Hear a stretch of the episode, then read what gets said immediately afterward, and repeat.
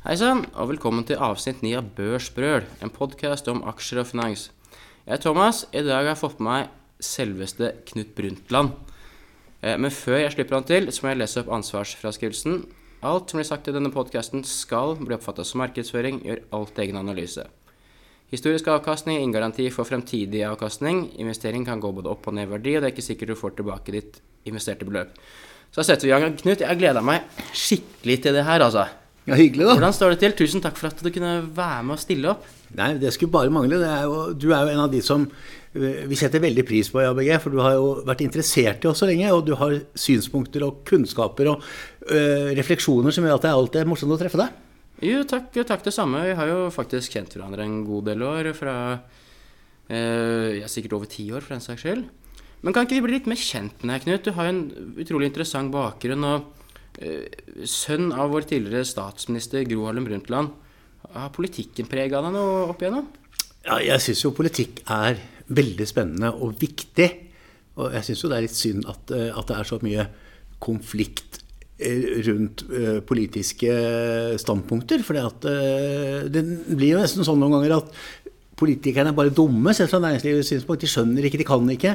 Og, og, så er det ikke det helt riktig, da. De kan og skjønner ganske mye mer enn det man tror. Men så er det hvordan man skal få politikk til å bli samlende og effektiv og, og klok. Men da må vi ikke bare erte dem og mobbe dem heller, da. Så det er, litt, det er litt give and take der. Men jeg er veldig interessert i politikk og mener det er veldig viktig, som sagt.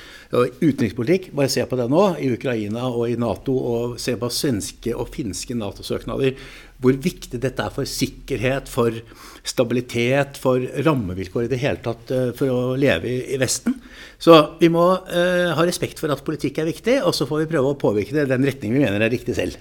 Jeg er enig, for du må være ganske hardhuda. Det er ikke et sånn populært yrke å være, være, politiker. Nei, og i gamle dager, da min mor var statsminister, da var det jo egentlig viktigste stedet å, å komme med politiske budskap var på Dagsrevyen eller, eller, på nyhetene. Også i avisene, selvfølgelig. Men nå er det jo overalt hele tiden. Og de blir jo øh, utfordret og, og, presentert for, øh, for, for øh, å måtte gi meninger hele tiden. Uh, og det må jo være veldig slitsomt og stressende. At du på mange måter må være tilgjengelig og klar hele tiden. Uh, det er litt sånn som vi i finansmarkedet også må, men det er jo ganske gode perioder hvor vi kan ha roligere og mer kontrollert hverdag. Det er det veldig få toppolitikere som kan. Ja, det må være på mange måter en på en viss grad en utakknemlig hverdag, men samtidig så tror jeg alle faktisk mener det de sier godt, da, på sine måter. Ja, og så er, det, så er det klart at det er noen mennesker som er drevet av annet enn penger. Og det er, må jeg bare si med en gang, det er vi i finansbransjen også. Vi er ikke bare drevet av penger, men vi syns penger er viktig. Men det, mange politikere er jo mye mindre opptatt av penger. Men samtidig så må de være så mye opptatt av penger at de eh, tilrettelegger for at vi kan skape noe som vi kan dele etterpå. Og det er kanskje det aller viktigste som vi næringslivsfolk er opptatt av. da. Ja, det var veldig godt sagt. Har det prega deg noe i din sånn, yrkesvalg og karriere videre, Knut? Nei, jeg bestemte meg jo da jeg var 18 år. Da ble jeg, eller 19 år, da ble Gro, min mor, statsminister første gang. Og da bestemte jeg meg egentlig der og da for at jeg ikke skulle drive med politikk og ikke prøve å få en politisk karriere. Og det var rett og slett fordi jeg skjønte jo at uh, med de store fotsporene som hun da begynte å sette i snøen, så var det helt utenkelig at jeg kunne matche det. Og da var det bedre å finne en annen vei å gå, hvor mine fotspor kunne være eh, relativt ok, da. Og derfor så gikk jeg inn på juss og, og, økonomi.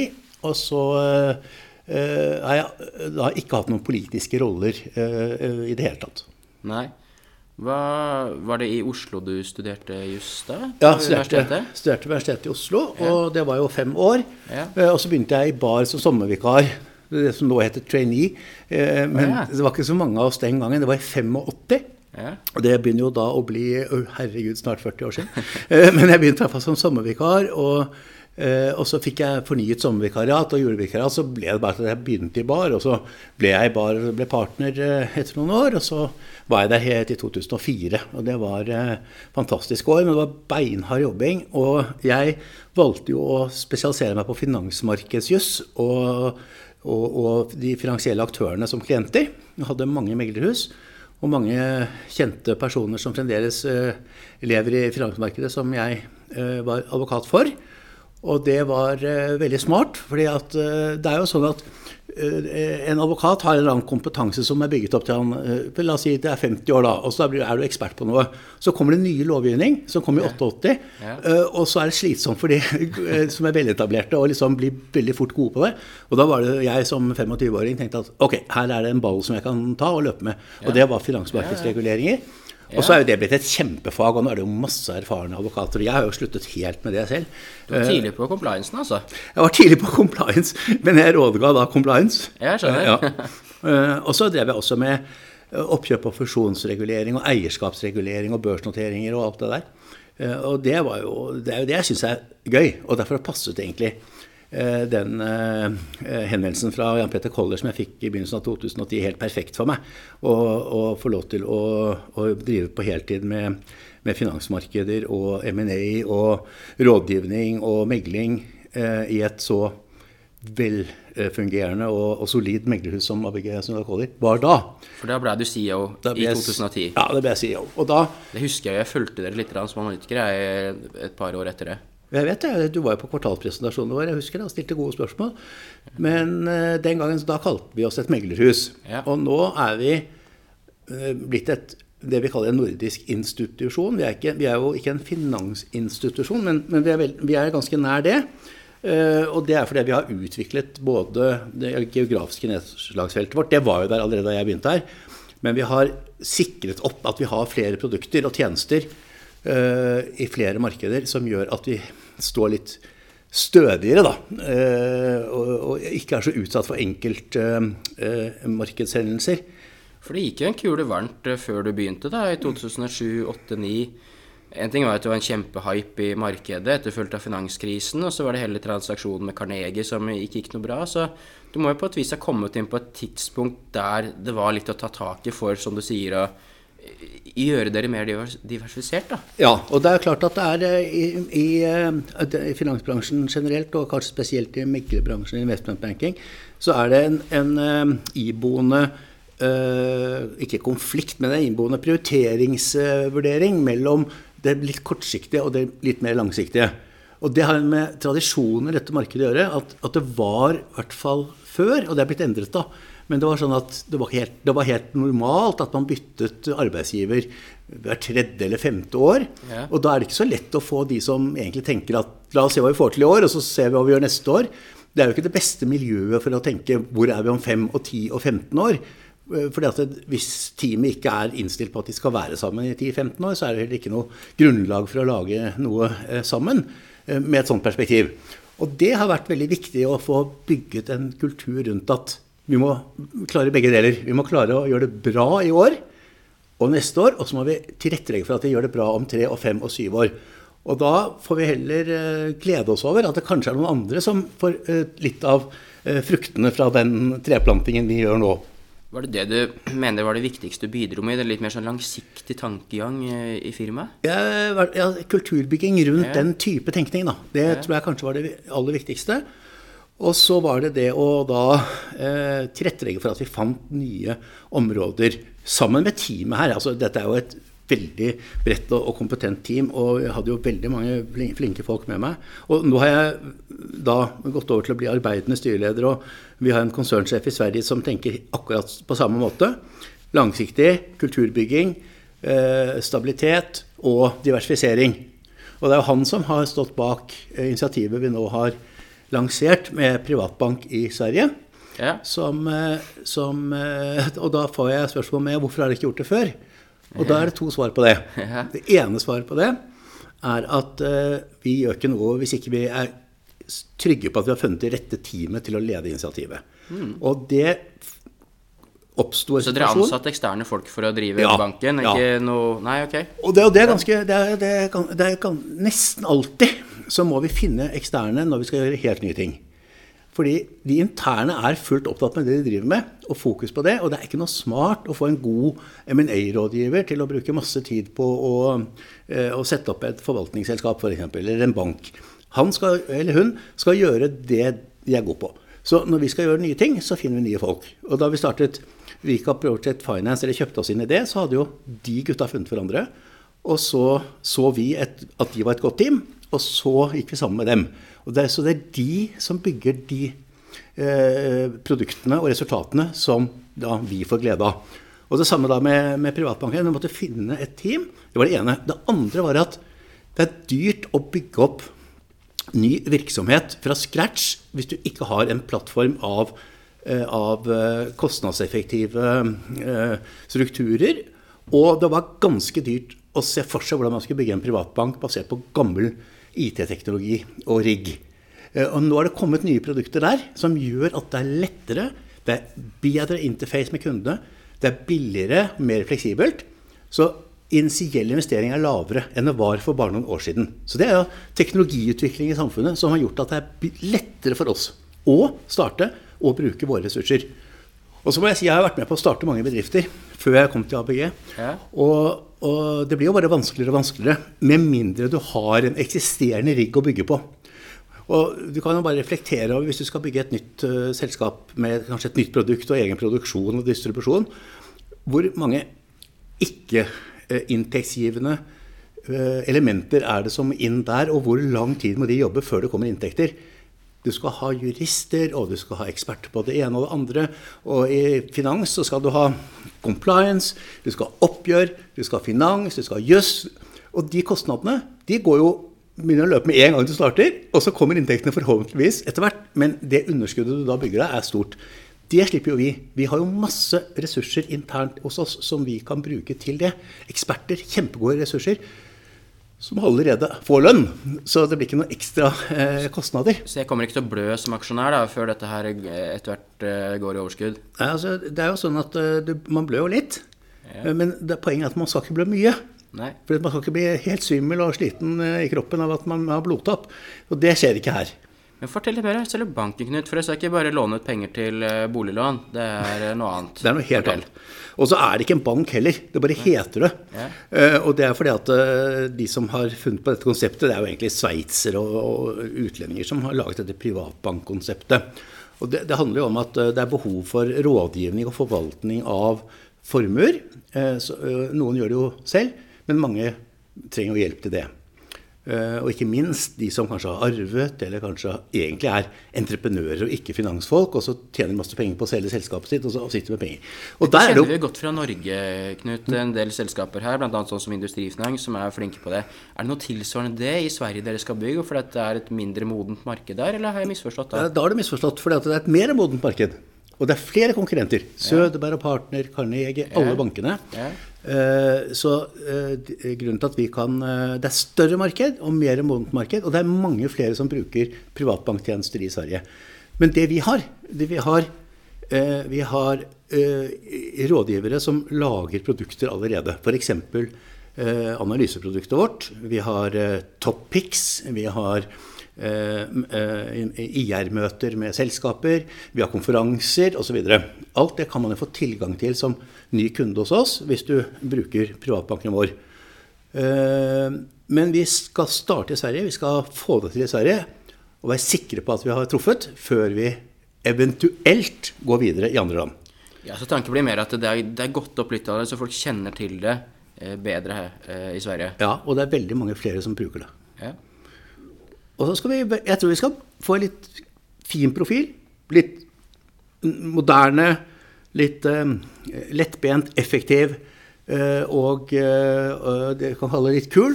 Så vi skal ikke, vi skal ikke ha enda høyere smørbrød enn SE-bankens privatbank. Det er ikke der vi skal vinne. Vi skal vinne på innhold og teknologiske løsninger som er lett å bruke for folk som er gode til det. Men hva blir omsetning av EBIT på dette her om fem år, da? Det kan, det kan, ikke, det kan jeg ikke Eller har dere noen interne ambisjoner som ja, er liksom tallfesta? Vi har, vi, har, vi har, klart ambisjoner, og, vi også, og, de, og teamet har jo også insentiver knyttet til å oppnå uh, målsetningene våre. Uh, men uh, det er litt tidlig å si hva det blir. Vi får, vi får blir litt til mens man går, på et vis? Ja, altså vi vet jo akkurat hva vi skal gjøre. Ja. Og vet akkurat hvem som skal gjøre det.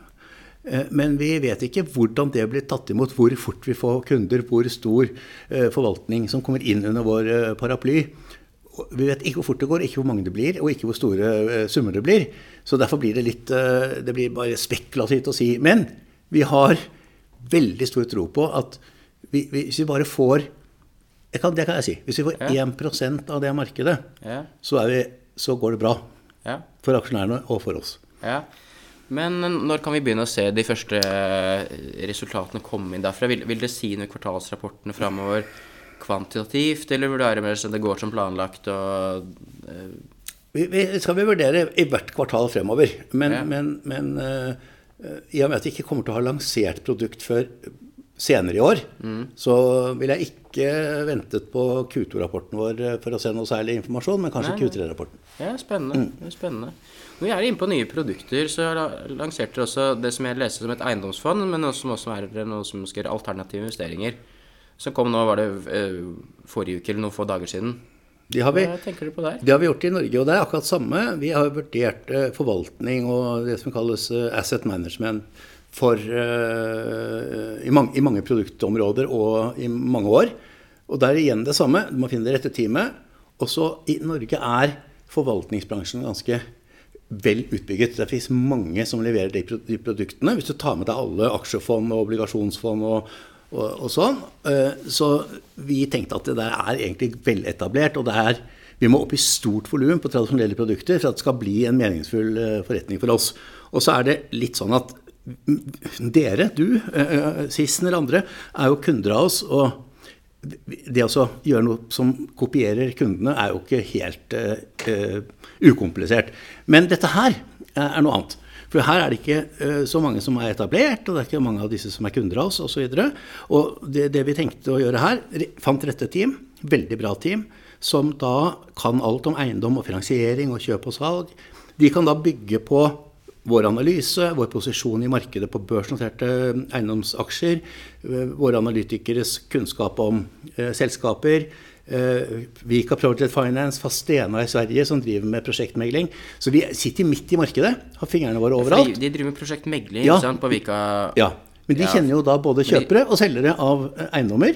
Ja, fordi de syndikerer videre ut. Ja, de gjør det. Men her skal man ha et fond Her skal være et fond.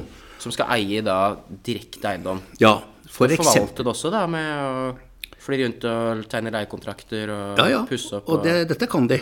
Eh, Men hvorfor vi ikke har vært mer presise på akkurat hvilket segment av eiendomsmarkedet vi skal satse på? Det skal selvfølgelig være næringseiendom, ikke boligeiendom. Det skal være næringseiendom, men om hvilket eh, område i landet det skal være, og hvilken profil det skal være på det, det skal vi komme tilbake til når vi har snakket med investorer om hva de ønsker. Men vi tenker at vi kan lage flere, kanskje én, to, tre, fire forskjellige fond, eh, som har forskjellig profil. Er dette veldig annerledes av det f.eks. Arctic gjør, eller NRP? Ja, det er ikke så helt ulikt det NRP gjør. Eh, men, og Arctic gjør jo både prosjektfinansiering og prosjektmegling og vanlig forvaltning i, Arctic Asset Management, heter vel det, med sånne fond som du har, bl.a. Eh, men dette er jo da i prinsippet og utgangspunktet ikke børsnoterte papirer, papirer, men eiendom. Ja. Så det skal vi, og det får vi se hvor stort det blir. Eh, men det, vi har jo ambisjoner om at det skal bli noen milliarder etter hvert. da. Det er jo kjempespennende. Ja. Så lenge teamet er rett, så går det bra. Skal vi hoppe litt tilbake til liksom, ABG sånn som vi kjenner det før de, de nye initiativene dere har satt i gang nå er? Og med fare for å være litt sånn kortsiktig, dere kom med Q4-tall tidligere denne uka her sånn, og, og helårstall selvfølgelig. Hvordan har kvartalet og året vært? Det var jo et år som, eh, som ble helt annerledes enn det vi trodde da vi startet. og det var jo, Alt handler jo egentlig om hva som skjedde som følge av russernes invasjon av Ukraina. Og det førte til mange mange, mange ting. Med råvarepriser, med ja, dere vet. Det, alt dette kan jo alle. Alle følger jo med nå. Og det gjorde Ja, at det. Det gjorde jo at, eh, at markedene ble tilbakeholdne. De falt jo ganske mye. De hadde fall i obligasjonsmarkedet og, og aksjemarkedet samtidig. Det var eh, mye stress, mye usikkerhet, og, og folk eh, var da veldig lite tilbøyelig til å være med på eh, oppskalering og nyfinansiering av, eh, av selskaper, om det var gjeld eller en kapital. Så det var jo vanskelig gjennom hele året. Eh, Det som eh, reddet oss, for det kunne gått det ser jo ut på overskriften på at det gikk dårlig. Det gikk jo ikke dårlig, det gikk bra. Men det kunne, eh, og det gikk så bra som vi kunne håpe på. Eh, og- det var mye av at vi fikk faktisk økt M&A-inntekter i fjor i forhold til i 2021. Og da er det sånn at I 2021 så var det klart det var så mye fokus på kapitalinnhenting og børsnoteringer at M&A-folkene våre jobbet jo også på det eh, produktet. Så det ble mer tid for dem til å jobbe M&A, eh, fordi det var mindre tid på det andre. Og, og da fikk de gjort mer, og fikk høyere inntekter. Og det er jo den fine fleksibiliteten i ABG-modellen. At eh, våre folk kan gjøre eh, forskjellige produkter. Ja. Og, og, det, og det gjør at når noen av produktene er ikke i stor etterspørsel, og, så kan man selge de som er mer etterspørsel. Ja. Så i, i sum så var det jo selvfølgelig Det var ned Folk fjellkvartal var ned ca. 50% på bunnlinje, og det eh, er jo preg av året som var, som var, og det var et veldig vanskelig år for dere. Men eh, samtidig så er det noe som kanskje synliggjør litt risikoen i ABG, for det svinger veldig mye. Jeg liker jo ofte å investere i selskaper som har en superstabil margin og vekst, også, men jeg liker, jeg liker at selskaper vokser av god avkast av kapitalen, for noen ganger gleder meg til å svinge litt. ABG er kanskje noe som er litt sånn outlieren i det jeg holder på med. så eh, selv om dere slo godt fra dere i fjor, det var ikke sånn at du gikk med underskudd, tvert imot, det var veldig pene tall eh, i, i sum. Men si litt om risikoen i ABG. Ja, og det, eh, eh, ledelsen av ethvert firma må tenke jo risiko hele tiden. Og så må man eh, prøve å definere For det første må man jo finne ut hvilke risikoer som er, eh, er størst. Altså vil slå mest negativt ut hvis det slår til. Og så må man jo ikke bli helt paranoid og liksom liste opp en, altfor lang eh, liste av ting. Eh, men eh, jeg tror det er viktig Jeg har hørt veldig mange snakke om risikoen i megling og ABG. Og da tror jeg at det er en del feilanalyse ute og går. Jeg tror det er bedre å starte å tenke som følger. Hvordan håndterer ABG vanlig forretningsmessig risiko? Ja. Og hva er det? Det er Om du driver produksjon av eh, varer eller tjenester eller hva det er, så er jo det helt grunnleggende risikobildet er følgende. Er produktet ditt markedstilpasset i dagens marked? Eller begynner det å bli utdatert? Eh, eh, er etterspørsel etter produktet ditt i markedet generelt på vei opp eller ned? Da må du tilpasse kostnadsbasen din og produktet ditt til det markedet som er der til enhver tid. Eh, Så helt sånne grunnleggende spørsmål. Og, og, og hvis du tenker riktig rundt det, så tilpasser du deg eh, det som At du utvikler deg og tilpasser deg til det markedet som er. Eh, Hvis du bare driver ett produkt, f.eks.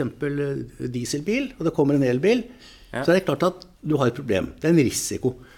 Hvis du bare driver megling, og, og, og enten, konkur- eh, eh, enten markedet begynner å bruke mindre meglertjenester fordi de bruker mer automatiserte eh, systemer for å handle, eller eh, av andre grunner så går etterspørselen etter meglertjenester ned, og du bare driver med megling, så har du ikke så veldig mye du skal gjøre. Da må du jo gjøre noe. Eh, og da kan du selvfølgelig skalere ned for å beskytte deg kortsiktig, men opp på lang sikt så går det helt galt. Hvis du bare driver M&A, og det er et sånt børsnoteringsår, så får du gjennomført veldig få oppdrag. Eh, Hvis du bare driver med børsnoteringer, eh, så har du et veldig fint 21, men et veldig dårlig 22. Risikoen er veldig markedsstyrt, da. Ja. Eh, Så må du passe på at du har de rette folkene, du må ha det rette miljøet og den rette kulturen, som gjør at, at du blir fornyet hele tiden med topptalent som trives over tid. En person som jobber i et sånt system som vårt, blir mer og mer verdt jo lenger de er. For de, blir, de får egne kunder, kundene blir fornøyde, øh, de, de øh, blir mer effektive, klokere. Så pass på at ikke det er sånn svingdørsforretning hvor folk er innom et år eller to. Det får vi lite ut av. Det er risiko. Øh, Ja, er det noen nøkkelpersoner som kan slutte, som gjør dere sårbare? ja, det, er- altså, Eller, eller grupper med personer, er en av hver fall? Ja, det, det var jo den gamle sånn hovedrisikoen som alle snakket om. Hvis den eller den personen får et stjerne i hodet i det eller det uh, firmaet, så går det helt galt.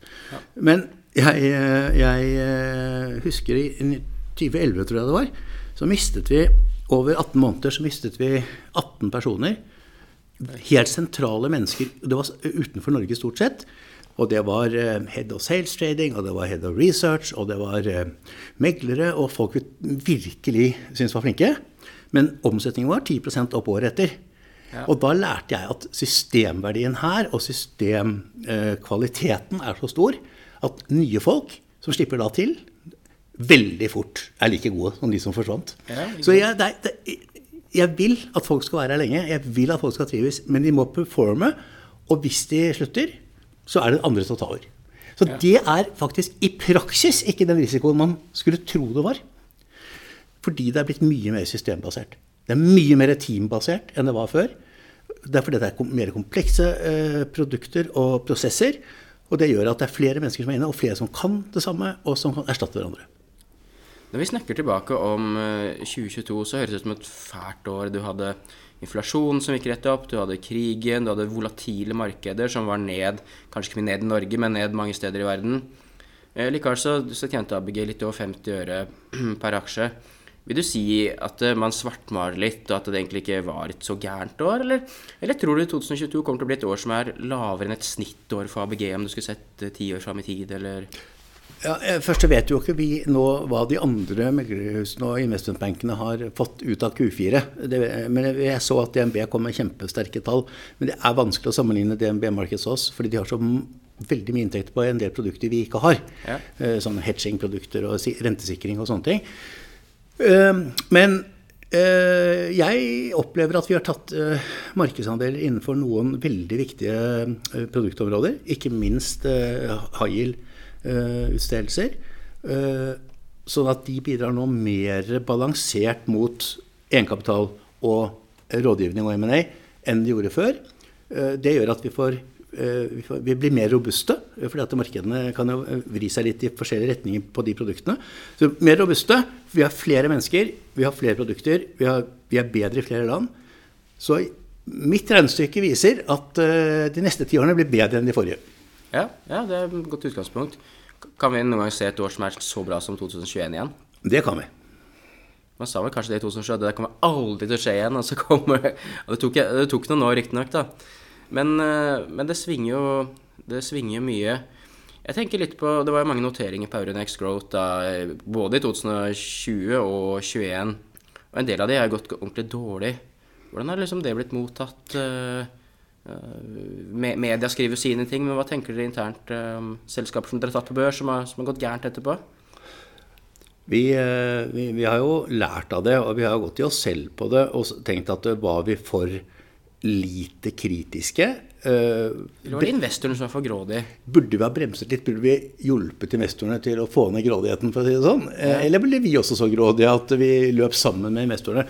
Men jeg tror, jeg tror vi klarte å dempe litt av den grådigheten uh, en stund før uh, noen av våre konkurrenter, i hvert fall. Og, og, og så jeg syns vi kom ut av det på en ok måte. Noen ting var ikke bra, eh, men mye av det var bra òg. Men det er jo investorene som bestemmer hva de skal investere i. Det er faktisk ikke sånn at vi har noe penn lånt av noen som vi kan underwrite ting på, altså. På andres vegne. Nei, uten å forfekte eget uh, syn, syns jeg det er kjempevanskelig å vurdere selskap som ikke holdt på så lenge. Da. Så, men jeg syns det er fint å investere sånn som ABG, som kan hjelpe det. Men samtidig så må det være på en, eh, liksom en bærekraftig måte. Da. Man, investor skal alltid få all informasjon som det må være nødvendig å få for å vurdere det. Og så blir man noen gang carried away uansett. Så, så det er noe sånn uh, verden henger sammen. Men uh, vi Og så er det mange forskjellige investorer. Vet du, Thomas. Det er noen som er som ja. deg, og så er det noen som er deal junkies, og så er det noen som er superkorte spekulanter. Ja. Eh, sånn at når alt dette investorfellesskapet kommer sammen i en, i en bookbuilding, så kan det skje mye rart. Ja, og da kan, det gå, da kan det gå unna kanskje litt for fort, da. Eller carried carry the way, som du sier. Ja, ja. Er noe som har vært veldig aktuelt uh, i de siste månedene, og egentlig alltid vært aktuelt, men blitt mer og mer, er dette med utstedelse av obligasjoner. Det har vært Obligasjonsmarkedet har vært vanskelig, refinansiert vanskelig, eh, renten har gått opp, marginene har gått opp, og mange må refinansiere. Og, og, nå kommer det mange refinansieringer som kommer opp til Mange ganger jeg sa refinansiering, men som kommer opp til refinansiering da, gjennom uh, månedene framover. Hvordan er det markedet for dere? Det markedet er jo et av de vi virkelig har fått bedre markedsandeler på over år, både i Norge og Sverige. Og Det er jo en stor fordel sett fra vår side. da, at En refinansiering er jo da også et nytt, en ny event, en ny deal og en nytt FI. Ja. Eh, så det er jo ikke en equity-emisjon. Der får du det, og så er det ferdig, og så er pengene kommet inn i selskapet, og så skjer det ikke noe mer. Så eh, gjeld er bra for oss eh, fordi det fornyes. Ja. og, og, eller forlenges eller endres eller, eller, eller, rett og slett bare refinansieres. Og I alle de tilfellene har vi en rolle å spille og gjør en jobb som vi får betalt for. Eh, så det er bra. Vi har jo, også ser vi at eh, det er noen tegn på at en del bankfinansiering blir vanskeligere for selskaper. Kanskje bl.a. eiendomsselskaper i Sverige. Bankene har veldig store utlån på sektoren. Ja. Litt sånn som det var i Norge mot olje- eller offshore-sektoren fra norske banker. Og, og da vil bankene innimellom ned i risk. Og det betyr ikke fornye lån eller, eller signalisere at eh, lån må nedkvitteres og nedbetales. Og da må de pengene finnes et annet sted, og da er obligasjonsmarkedet et veldig eh, aktuelt alternativ. Eh, og da er vi der. Så da, da på en måte gir bankene fra seg forretning til, eh, til markedet. Og da vil de selvfølgelig prøve at deres, eh, megler, deres megleravdelinger skal få de oppdragene. Men da kan vi konkurrere ganske fritt. Ja, for det, det er ikke bare å ha en balanse i ryggen da lenger. For da må Banken har jo på en måte sin business med å låne ut penger. Når det gjelder å finne investorer som skal låne ut penger, så er den type en uavhengig aktør kanskje viktig å ha med i en sånn prosess, og kanskje noen ganger aleine også. Ja, altså Det er klart helt enorm forskjell på den situasjonen du skisserer, som bare så lytterne er med oss på det. Hvis du går i en bank og så sier at du, banken skal Ja, banken, jeg vil ikke låne deg 1 milliard, men du bør også ha 250 millioner i en obligasjon, og den bør da bankens eh, fondsavdeling få lov til å gjøre. Eh, Så er det mye lettere å føle at man må si ja til det, enn hvis det er så følgende Ja, du har en milliard i lån, du må betale ned en halv milliard. Finn de penga, du får det ikke av oss. Og by the way, det er vår fondsavdeling som skal finne penger for deg. Det er ikke sikkert du er like motivert til å bruke dem da. Da er det kanskje bedre å komme til APG, som er uavhengig, og som hjelper deg til å få den fleksen du trenger når en bank eh, trekker tilbake kreditter. Ja, det er er et godt poeng, og det har vært mye av det som har vært så langt i år også. Nå er det jo bare begynnelsen av februar, men eh, der kan vi forvente oss mer eh, aktivitet gjennom, eh, gjennom året. Ja. Både i Norge og Sverige. For det er litt om Sverige, da. Det, det har jo vokst mye gjennom mange år, og så er det jo volatilt det også. Men hvordan posisjon har dere der relativt til Norge? Altså etter siste Prospera-undersøkelse så har vi kommet opp ganske betydelig over de siste par-tre årene. Uh, og det morsomme med Prospera er Headline er jo alltid veldig morsom. Hvor er du på pallen? Er du på pallen? Og i tilfelle hvilken plass er du på pallen? Men det som er viktigere å se på for, for oss for å virkelig analysere hvordan det går, da, det er del, når du ser på del, det man delmåler. Og det er styrken av brandet ditt, det er kvalitet på rådgivningen, det er hvordan du treffer i forhold til pitchprising osv. Og, så og på, på de kvalitative eh, tingene så, så har vi forbedret oss mye over de siste årene. Og det gjør da for meg at, og da om du ender på første, annen eller tredjeplass, det eh, er kjempeforskjellig hvor morsomt det er. Men du vet at du kan du, når du, Hvert løp du starter, så kan du vinne, da. Eh, og det, der var vi ikke for eh, fem år siden. Nei. Er det naturlig å forvente seg at Sverige skal vokse mer enn Norge de, de neste åra? Jeg har vel eh, sagt mange ganger at, uh, at uh, i strategisk sammenheng så er det jo åpenbart for ABG at vektpotensialet er større i Sverige enn i Norge.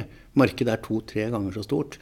Og, og, og, vi har en mindre markedsandel der i prosent enn her. Så vi, bare hvis vi hadde fått samme markedsandel i Sverige som vi har i Norge, så ville jo inntektene våre gått opp med mange mange hundre millioner. Ja. Uh, så det er ambisjonen, og det er det vi jobber med. og Derfor har vi satset mye på å ansette flinke folk i Sverige. Og veksten vår fra sånn 270 personer som var for uh, tre år siden, til de 340 i dag, mm. det er hovedsakelig nesten bare i, uh, i frontposisjoner. og veldig mye i Sverige. Sverige Korp, gjeld og de nye initiativene våre. Er det gjeld eller M&A eller ESM eller Equity Capital Market som blir viktigst å jobbe med i Sverige? Jeg skjønner til alle, men hvor er dere har potensialet? Jeg vil si særlig på M&A, nummer én. Og så nummer to eh, DCM, og tre ECM. For ECM gjorde vi veldig bra i 2021, så der har vi bevist at vi kan virkelig gjøre Husk på at ABG var den europeiske banken som hentet mest egenkapitalpenger til børsnoteringer i 2021. Ja, det er ganske sykt. Ja, Vi ble slått av to amerikanere, men ingen europeer. Og da må du huske på at det er noe som heter Deutsche Bank, og det er sånne ganske store bamser ute i Europa. Men ABG eh, tilrettela for flest equity-kroner inn i europeiske selskaper i 2021 av alle europeiske banker. Jonas Strøm Ikke minst Sverige, da. Bare å Ja, ja, ja. jeg husker det. Jonas Strøm, sjefen eh, nå, eh, han sa i går at dere hadde en solid og diversert pipeline eh, nå. hvordan skal vi se det spille seg ut framover? Er det noe spesielt på M&A, DCM, ESM?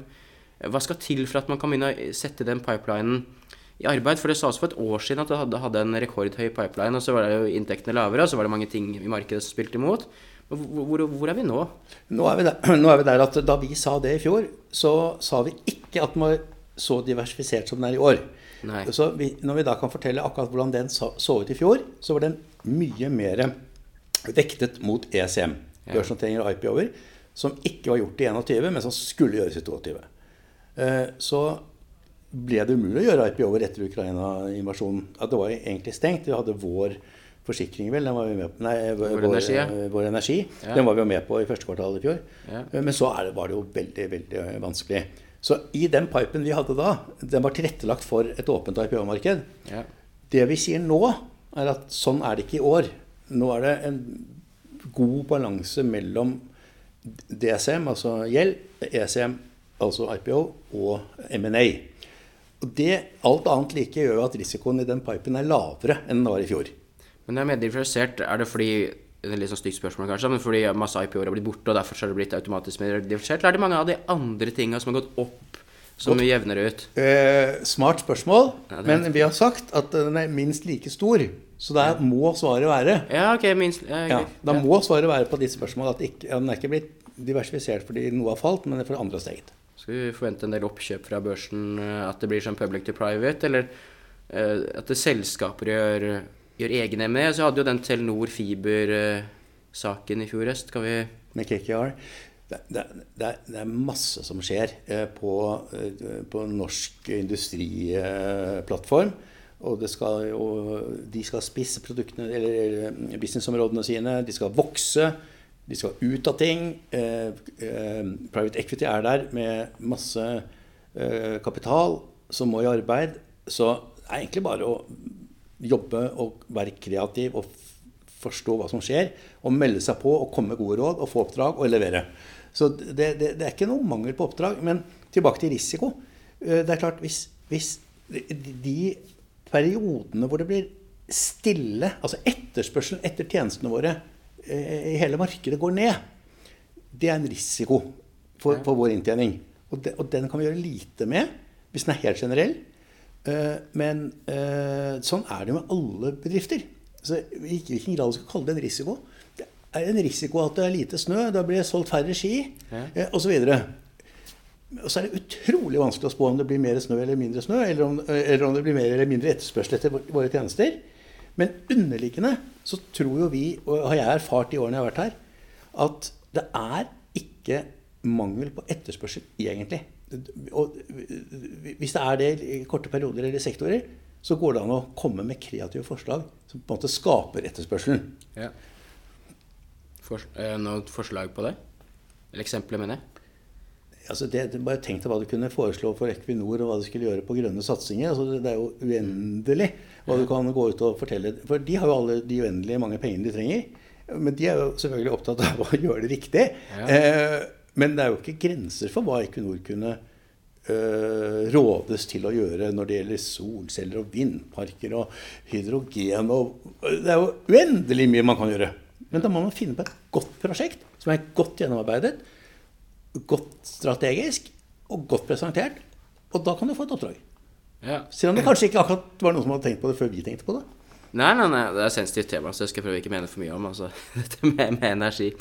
Men eh, hvis vi hopper litt eh, videre til compliance eh, For noen år siden så sa man at eh, megling er egentlig dødt. Eh, compliance kommer til å bare spise det opp, og det blir bare helt håpløst å holde på. Og du har en veldig relevant bakgrunn, som, eh, som du nevnte innledningsvis, fra det. Hvordan har egentlig dette med compliance slått ut for Meglus? Har de måttet ansette masse nye folk, kostet masse penger og gått rett på bunnlinja, eller hvordan eh, skal vi tenke på det? Jeg, jeg tror vi skal tenke på, at, uh, på, det slik at det du sier er helt riktig. Men det er også Man kommer igjennom sånne endringer, og så blir det stabilt igjen. Vi har hatt en sånn veldig bølge av uh, at man skal kunne dokumentere at man kjenner kunden, at kunden ikke driver med terrorfinansiering eller hvitvasking og sånn.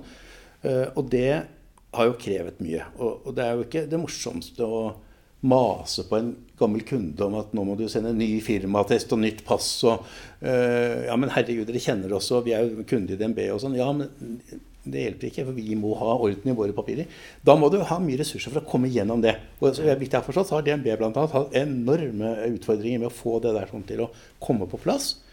Uh, men så er det på plass.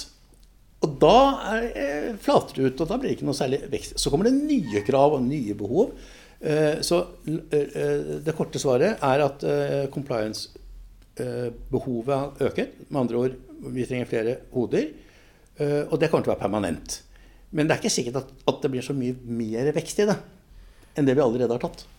Vil du si at det kan ha skapt noen inngangsbarrierer som har blitt høyere? Det er ikke blitt starta noe megler som jeg har fått med siden Arctic i 2007? Nei, og heller ikke Sverige. Og det er klart at eh, barrierene ved mindre du skal starte Det du kan starte, er en M&A-butikk, som vi kaller det. Ja. At du er fire-fem karer som er kjempe, og damer ja, som er kjempegode til å uh, drive med M&A. Men det er jo ikke en det er jo ikke den type. Og de trenger ikke så mye compliance og så mye greier. Men skal du gjøre et fullskala hus, sånn som vårt hus er, hvor jeg, som jeg sier vi må ha, sånn som vi er satt opp, og sånn som våre kunder eh, forventer, så må vi ha tre ben. Vi må ha analyse, vi må ha annenhåndsmeglingen og plasseringskraften, og vi må ha rådgivningen. Og rådgivningen er avhengig av analyseinput. Meglerne er avhengig av analyseinput. Og meglerne er avhengig av uh, at, uh, at, rådgivningsavdelingen kommer med uh, IPO-er. og da blir det en synergi i hele systemet som, hvor man er helt avhengig av hverandre. Men hvis du skal sette opp det med internasjonal distribusjon, så skal du ha en veldig stor lommebok i dag. Bare på riggen og menneskene og før du begynner å tjene penger. Så Arctic fikk det til. Og ja. imponerende med den timingen. De var ikke helt heldige med timingen. Nei, nei, nei, men de overlevde faktisk. Og de kom gjennom det, og, ja. de, eh, og, de, har jo eh, gjort veldig godt fra seg. Men jeg tror ikke det er mange som tenker på å gjøre det samme som uh, Arctic-gjengen gjorde den gangen. Du forteller litt om samspillet mellom rådgiverne, eller Corporate Finance, og analytikerne og meglerne. Og så kan man være litt ufin igjen og si at ja, men alle analytikere er jo bull på corporate case. altså Det er jo det er null verdi med en sånn analyse. Hvor, hvor, det det Hvordan funker det internt, og hvorfor er det så viktig å ha en analytiker som sier eh, noe bra om et selskap for at man skal kunne gjøre oppdrag for dem? Ja, men Da impliserer du at det er en direkte link mellom at du har en bull-analyse og at du får oppdraget. Og det, Sånn har det jo vært litt rykter om at det er, men, men sånn prøver vi å ikke jobbe i det hele tatt. Vi, øh, men, men det, kjernen av hvorfor analyse er viktig, er jo at noen må ta seg Du er jo en, din egen analytiker. Du, lager, for du er jo analytiker. Ja, ja. Eh, men det er jo ikke så veldig mange andre investorer som er sånn analytiker som deg. Så det, det, det viktigste med analyse er jo ikke om du har rett eller galt. Det syns sikkert den enkelte analytiker at det er veldig viktig. Ja. Eh, fordi det har med rankingen deres å gjøre, og at de blir eh, beundret. Men det aller viktigste med det Man er forfengelig, altså? Ja, men alle er jo forfengelige. Men det viktigste med analysen er at det gir et objektivisert grunn for å diskutere. Og hvis ikke du har det, så liksom, da blir alt hearsay i samtaler og sånn. Så vi tenker ikke på analyse så mye på IPO-analyse. Vi tenker mye mer på den analysen vi gjør av selskaper, markeder og bransjer, som gir faktuell input og tallmateriale som kan brukes av oppegående mennesker å diskutere. Det er det viktigste. Ja, jeg syns noe som har ufortjent dårlig rykte, er dette med betalt analyse. For det er ryddig, det, du vet at det er betalt. Det er ikke noe sånn derre at man kan mistenke noe, og, og, samtidig så er det ikke noe kursmål, så vidt jeg, jeg veit. Og så er det en range, og så, og så er det kanskje mer uh, Man prøver å ha det litt sånn objektivt, da, at det skal være informasjon, informasjon, om selskapet, og så er det noe tall på det, og så kan man jo godt gjøre egen, egen analyse på det. men dere har blitt ganske vellykka for dere etter dere gikk inn og kjøpte Introduce, som det i sin tid het i Sverige. Eh, fortell litt mer om det. Hvor mange selskaper har dekning på, på den plattformen som gir betaling årlig? Det er Ca. 100 selskaper. Så det gir en ganske fin, stabil inntekt. Vi har ikke så mange sånne inntekter å vise til, så det er vi veldig fornøyd med. Det er overskuddsforetakene. Men det viktigste med det er at vi da dekker 100 selskaper Eh, uten kost, eller med profit. Ja. Og også på toppen av det så får vi jo da en naturlig eh, samtaleinngang til de selskapene. Ja. Og de kjenner jo egentlig da i prinsippet bare oss. Og fordi at CFO snakker med oss og gir oss guiding, og, og vi bruker tid på dem. Og da er det lettere å få andre oppdrag av dem, hvis de skal hente obligasjon eller skal gå på børs eller private placement. Så det er en veldig fin sånn markedspleie da, av nye kunder for, for nye kunder, eller for oss. Eh, og så har vi Introduce Day, hvor, sånn investordager hvor de får presentere seg for investorkollektivet. Og det er jo enormt populært. Ja, jeg var der en gang. Ja, du har vært på i Stockholm? Ja, jeg var det var rett etter jeg begynte i First One. Jeg hadde faktisk meldt meg på før jeg begynte, så jeg meldte meg på som privat, da, for det var før jeg hadde fått eh, jobben der. Men da ble det i forbindelse med jobb uansett. Det var jo kjempe, kjempeopplegg, altså. Ja, og der treffer vi også kunder. Også. Meglere må være glad i mennesker. ellers så, Jeg kaller det meglere, da, men altså, investmentbankere og meglere må jo være glad i mennesker. Må være glad i å snakke med mennesker, må, må tørre å ta telefoner. Men også må de trives med å treffe folk. Lære, lære bort. Eh, få ting til å skje og, og, ja, og ha et bredt eh, kontaktnett. Det røfner røftlig en halv mill. per uh, selskap per år dere tjener på det? Nei, det er dessverre ikke fullt så bra. Nei. Litt lavere. Litt lavere. Mm. Men det gikk av en stabil inntekt, som man uh, kunne i IT-verden kalt for en SAS eller ARR-business. Det er det. det er bra. Knut, før vi avslutter, så tenkte jeg å spørre hva, hva skal til for mer sånn konkret skal til for at 2023 blir et skikkelig bra år for dere? Hvordan skal markedene oppføre seg for at dere skal kunne utnytte det best mulig og få et, et år som er vesentlig bedre enn en 22? Ja, du vet at uh, vi, har, vi, har, en ganske definert kostbase. Så, og vi tjener jo vesentlig mer enn det vi bruker av faste kostnader. Og så er modellene våre slik at uh, tjener vi 100 millioner til, så går 50 til bonus og 50 til skatt og eiere. Ja. Eh, så det, eh, det, er ganske, det, er ganske, lett å se at eh, Øker du inntekten med 100 millioner, så vet du akkurat hvordan det slår ut. For det er nesten ikke kostnader knyttet til den marginale 100-millioneren. Så hva skal til for at vi kommer fra de 1,7 til 2,225, liksom opp der? Og du kan selv regne ut hvor mye det betyr. Det betyr jo plutselig at 2,5 betyr jo fort en krone i EPS. ikke sant? Til samlingen sammenligning så hadde dere nøyaktig 3 milliarder i 2021. Ja, ja. Og, og, da var jo også EPS-en vår 1,47, vel. Vi delte ja. bare ut én krone. Ja. ja. Og de, de, de, siste 100 millionene er helt fantastiske, hvordan de, hvordan de bidrar til blide ansikter på, i, i bonussammenheng og aksjonærsammenheng. Men det som skal til, er jo at, uh, at der, hvis, Du kan tenke på sånn at 23 uh, eh, Hvis det grunnlaget fra 22 er det samme, altså vi får til det samme innenfor hvert enkelt område, så skal det som skal til, er at IPO-markedet starter opp igjen. Da får du fort en god del mer inntekter, i og med at det var så lite i fjor. Så må eh, gjeldsmarkedet holde seg eh, stabilt, slik at de får gjort transaksjonene i gjeldsmarkedet. Der er det en oppside. Ja. Eh, og så eh, at vi klarer å opprettholde trykket på M&A. Hvis det skjer, og det er egentlig bare én ting jeg sier, det er at med et marked som er åpent for egenkapitaltransaksjoner igjen, uten at det trenger å være veldig bullish eller veldig eh, euforisk. Bare er det stabilitet? Stabilitet er greia. Ja. Viksen under 20. Ja. Og så, det, er jo det, som, det, det betyr, er jo til de som hører på, det er jo at, at, at, at volatiliteten er eh, håndterbar, slik at eh, investor tør og, og, og, allokere penger, så de ikke får det i ansiktet to dager etterpå at oi, det var helt uh, feil. Så stabilitet, litt, litt tro på uh, at det er, uh, ikke er for høy risiko å investere. Altså med andre ord åpne markeder. Vixen under 20. Og så et par vellykkede børsnoteringer. Vi har, vi har en på gang nå, og ja. det kommer flere. Så de bør jo gå bra, og det tror vi jo. Og vi har jo godt forankret. altså Vi går jo ikke ut og bare håper. Det er jo godt forankret, så det, det skal gå. Og så kommer det flere, og så kommer det flere, og da, og da, skal, da, blir det mange hundre Bare det skjer, som jeg sier nå, så blir det mange hundre millioner mer inntekter i 23. Så nå er vi ganske tidlig i februar. Men tenker du liksom vi trenger noen få uker til med litt stabilitet i markedet? Så kan det løsne, eller kan, vi, kan det løsne allerede i Q1, tror du? Eller tror du Mar vi må se litt lenger Mars kan være en måned hvor vi får gjort, hvor, hvor det er løsnet, som du kaller det. Ja. Eh, eller egentlig i februar òg. Det er jo noen selskaper som er klart å uh, trykke på knappen og gå fort. Ja. Uh, og som sagt, nå har vi en stor transaksjon i, i IPO-markedet. Med ja. open books, så det er bare å tegne. Og nei, altså det kan skje veldig fort. Men det kan også ta lengre tid. Ja, ja, det, er, det er jo litt sånn der, det som er morsomt med det.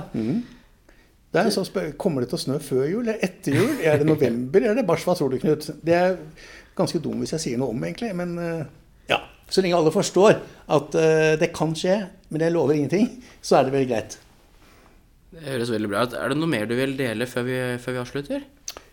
Eh, Jeg tenker at eh, jeg har, lyst til, å- jeg har lyst til å si en ting til, og det er at vi, jeg, jeg merket på meg selv at jeg sa, eh, brukte, snakket om menn, og så kastet jeg på kvinner liksom, som et ekstra tillegg. Og det er noe jeg ikke bør gjøre i det hele tatt. Fordi jeg tror det er veldig viktig for vår bransje at vi får mye flere kvinner, mye høyere kvinneandel inn i bransjen. Av veldig mange grunner, og dette er jeg opptatt av. Eh, Men ikke minst fordi at det er utrolig morsom bransje å jobbe i. Og så jeg ser så mange kvinner som jobber i advokatbransjen. Ja. Eh, og jeg ville hver dag velge finans fremfor advokat. Jeg har erfaring fra begge. Ja. Så oppfordringen min til kvinner er kom inn i vår bransje og gjør vår bransje mye bedre gjennom deres bidrag. Kjempebra, Knut. Eh, Takk for en veldig interessant prat. Så lykke til videre med året i år og, og videre framover. Og lykke til med, med dine fond. Tusen takk, Knut. Det, det trengs noen ganger, altså.